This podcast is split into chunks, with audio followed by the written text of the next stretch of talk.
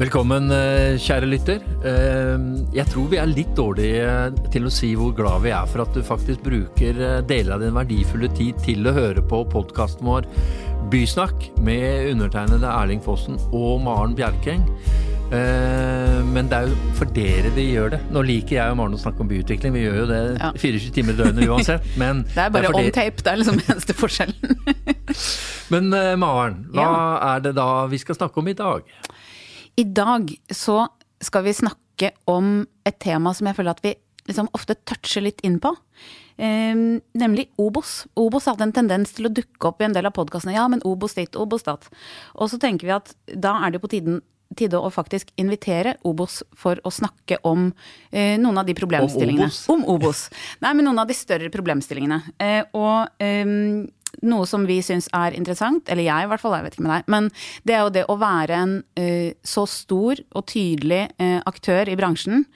Hva er uh, fordelen? Altså det er jo litt sånn man kan få ting til å skje, påvirke, som med Fornebubanen. Eh, så var det sikkert ikke så lett som man kan liksom tenke at ja, det var ta en telefon. Men likevel, som en stor aktør, så kan man påvirke eh, store grep i byen. Samtidig så blir man veldig synlig, eh, og sånn laglig til hogg for kritikk. Hvor lett er det å snu seg rundt i eh, dagens trender når man er en så stor organisasjon.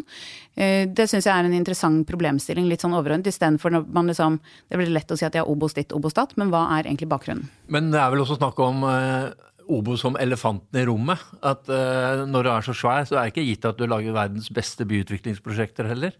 Nei, at du får et annet fokus. Men det skal vi da diskutere. Det er det vi skal. Velkommen da til Daniel Serai. Ja, tusen takk. Konsernsjefen i eh, Obos. Men bare for å starte, eh, hvor store er dere egentlig?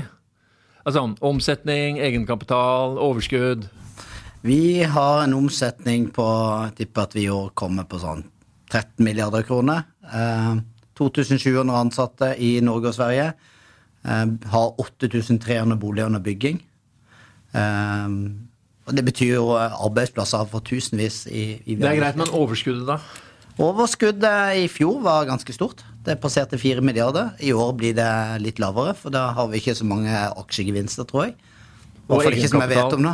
Egenkapitalen, eh, den bokførte, er noe over 30 milliarder. Det går greit. Ja, det går greit. Vi snakker egentlig da om en gigantisk eh, elefant. Det er nesten en mastodont. Men det som jeg, jeg tenker på eh, Obos var jo også en situasjon Men mastodonten er ute, Derling. Nemlig. Og det er ikke vi. Nei, nemlig. Men kanskje det, det, er et forvarsel om at Obos i den nåværende utforming også kommer til å dø. For dere fikk ikke regulert noen prosjekter i Oslo i fjor.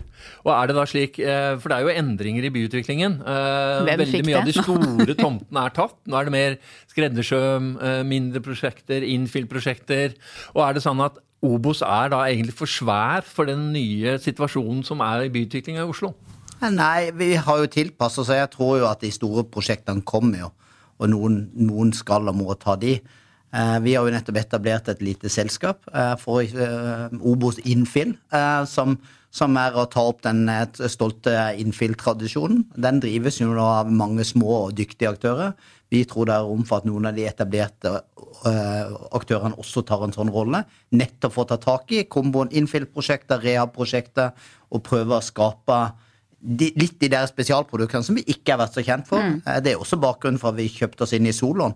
En mindre aktør, litt mer lettbein, kan ta litt andre prosjekter enn det Obos tradisjonelt har tatt. Så det å, det å forsøke å henge med i tiden, eh, nettopp være aktuelle og tilby bolig, det er jo det, er jo det vi driver med. Mm. Mm. Men der tenker jeg jo at det med rehab, som du nevner også, er jo interessant. fordi den Jeg skulle gjerne sett sånn skikkelig fett eh, Nå går vi foran på rehab- og ombrukprosjekt fra Obos.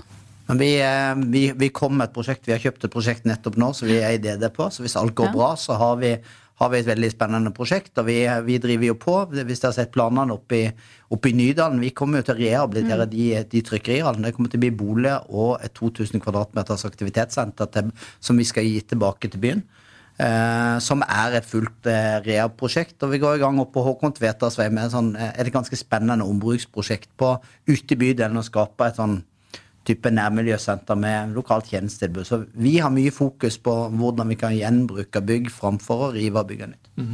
Men det også da med størrelsen deres er jo eh, Dere er jo en eh, rigga slik at dere da ikke må betale utbytte til eh, eiere, ikke børsnotert, ingenting. Og det er jo også et sånt spørsmålstegn. Hva, hva er det dere bruker alle disse pengene til? Altså noen ganger så har jeg fått litt sånn følelsen av at du er mest opptatt av fotball, og det skjønner jeg ikke. Men du, du skal gå inn og begynne å true, for dere er stor sponsor, true med utnevnelse i kvinnefotballen. Altså, så tenker jeg bare, hvorfor kan du ikke bruke alle de penga til da å lage altså Vi har jo snakket mye om Realdania, som er et sånn dansk fond med, med, private penger, som bare brukes til å forskjønne byen og byrom. Hvorfor gjør dere ikke det?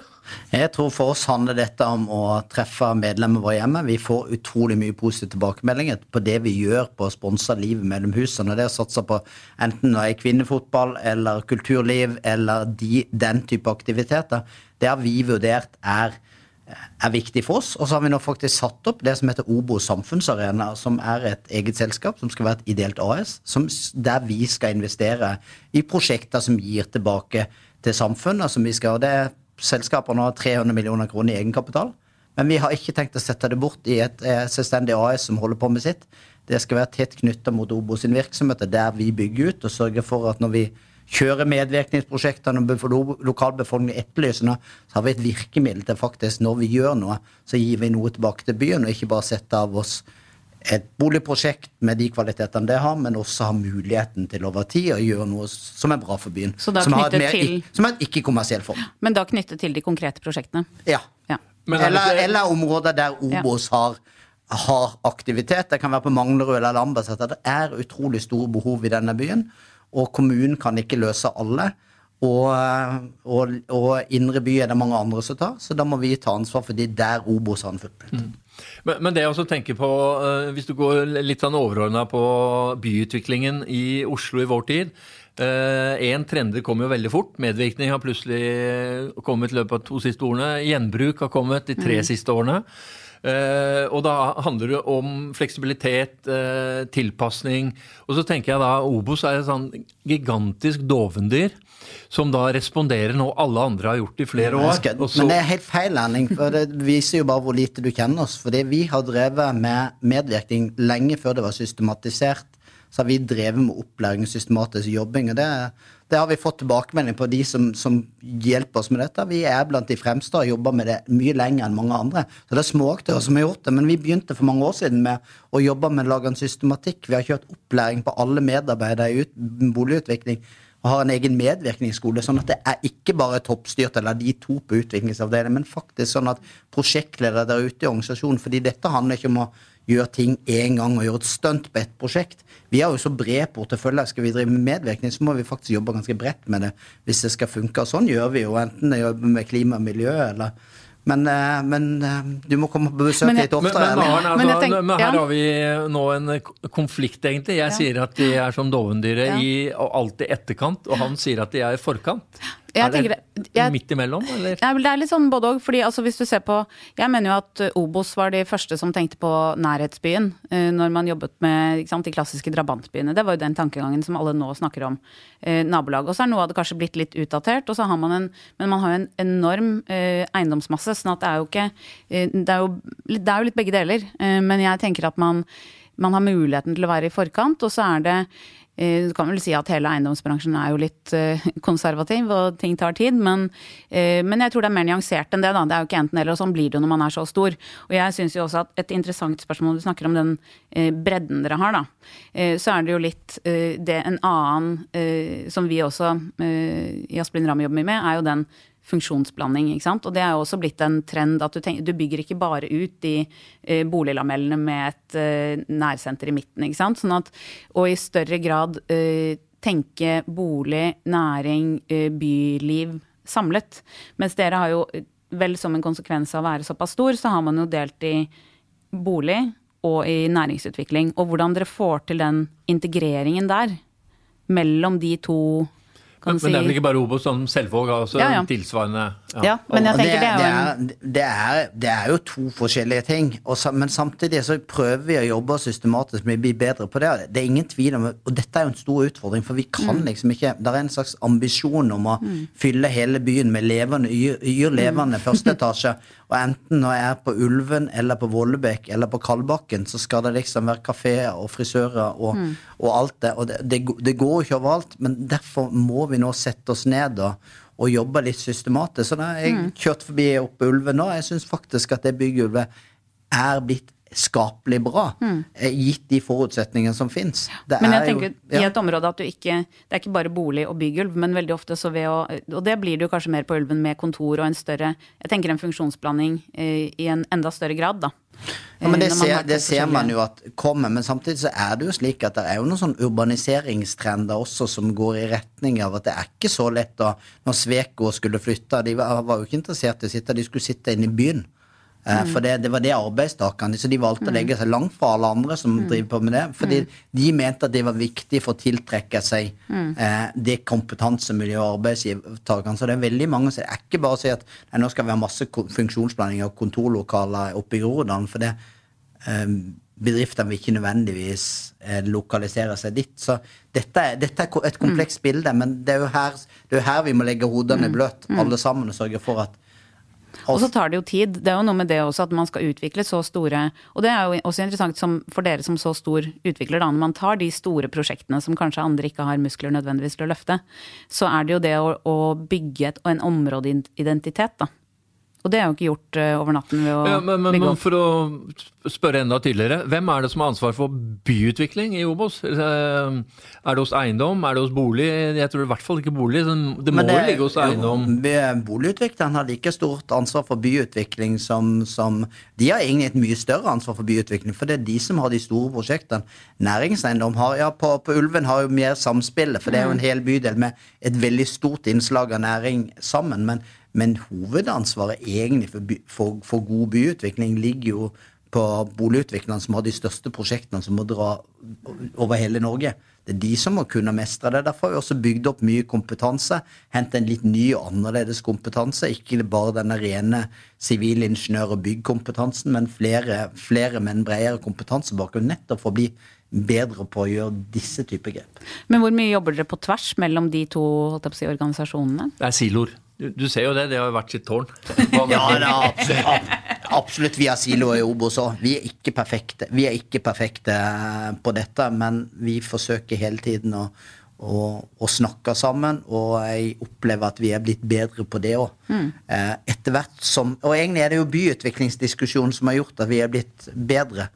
Eh, og så er det jo alltid en blanding av hva noen, noen har noen har passion for det, og det er noen ganger så går det på bekostning av det ene. Det er noen ganger vi måtte bygge boliger som kanskje ikke skapte de beste næringslokalene, og vice versa. Mm. Ja, det er det. Altså, det, er, det er lett for meg å sitte her og si at fordi når man er en mindre organisasjon, så er det selvfølgelig lettere å få det til, men jeg tenker at den kraften ved å i enda større grad få til å kombinere det å ikke uh, jobbe i siloer, da.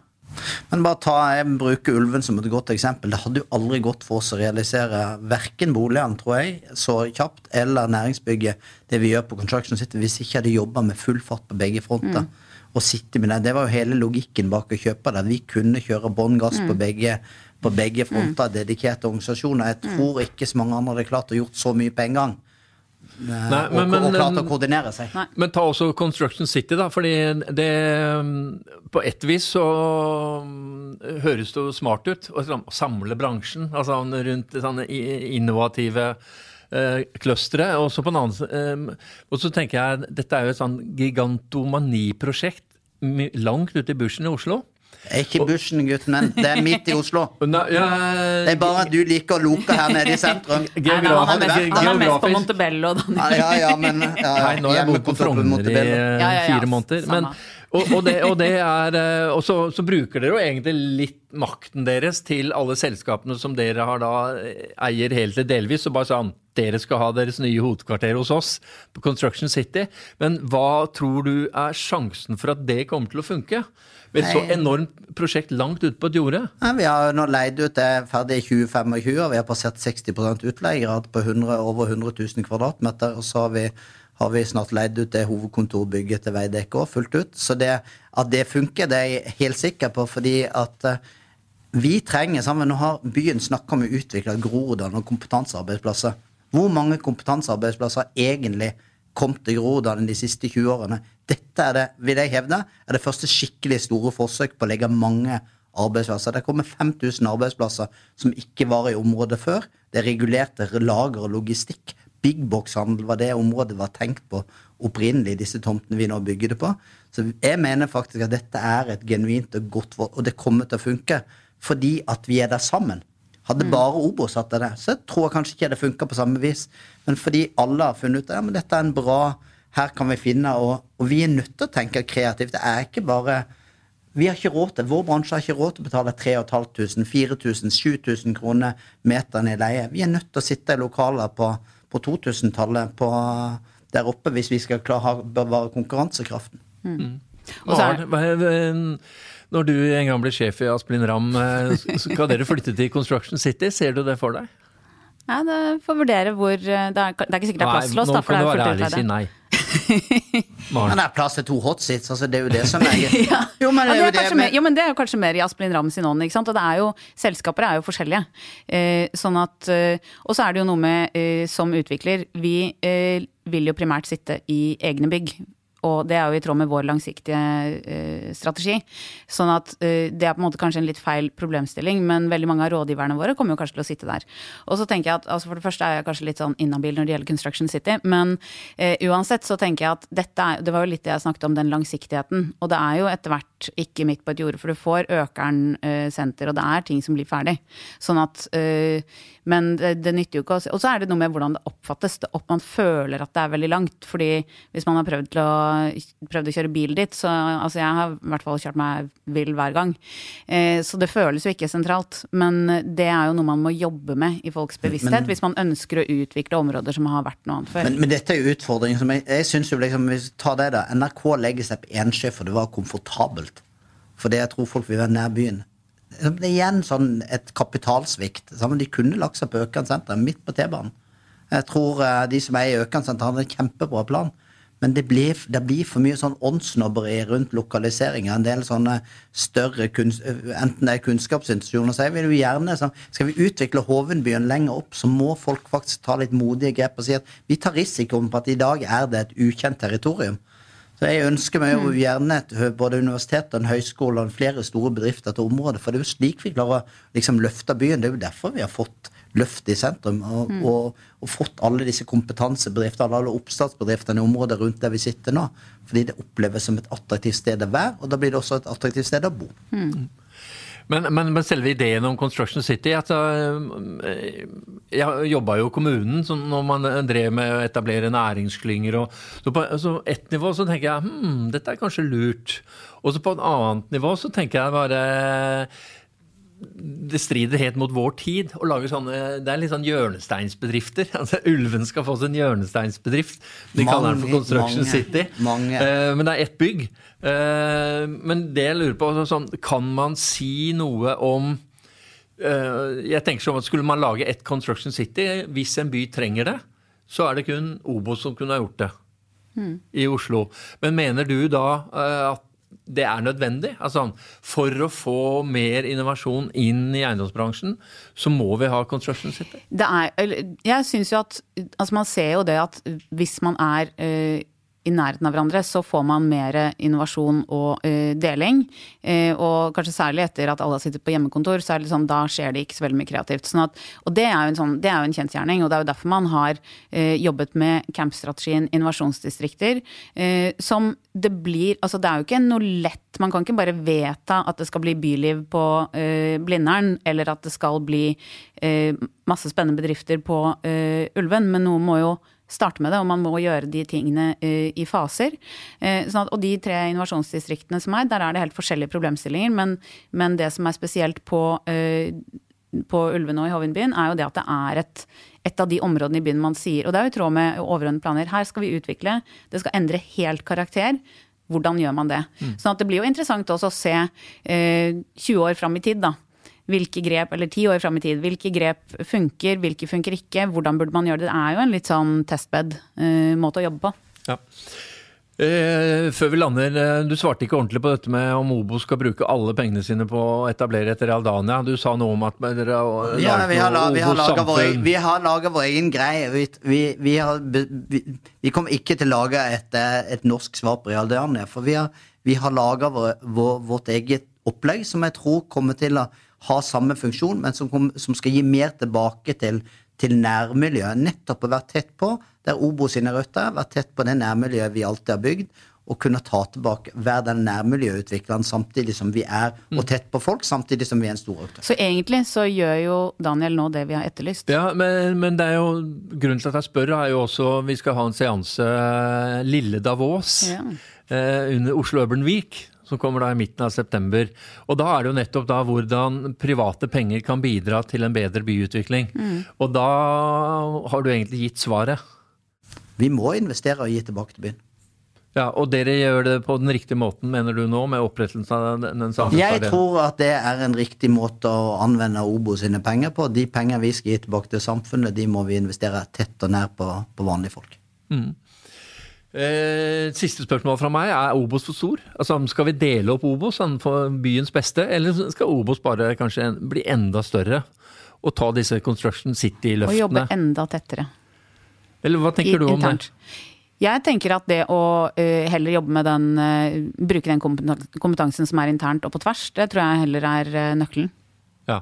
Og siste myte er Men nå svarte jeg jo ikke Daniel. Da det ja, nei, men det er fint, det. det svaret er kanskje ganske selvsagt, for jeg mener Men, men det siste er jo også da Det er en myte som jeg hører eh, noen ganger, at uh, det er Obos primært som er prisdriveren i boligmarkedet i Oslo, fordi de er så svære.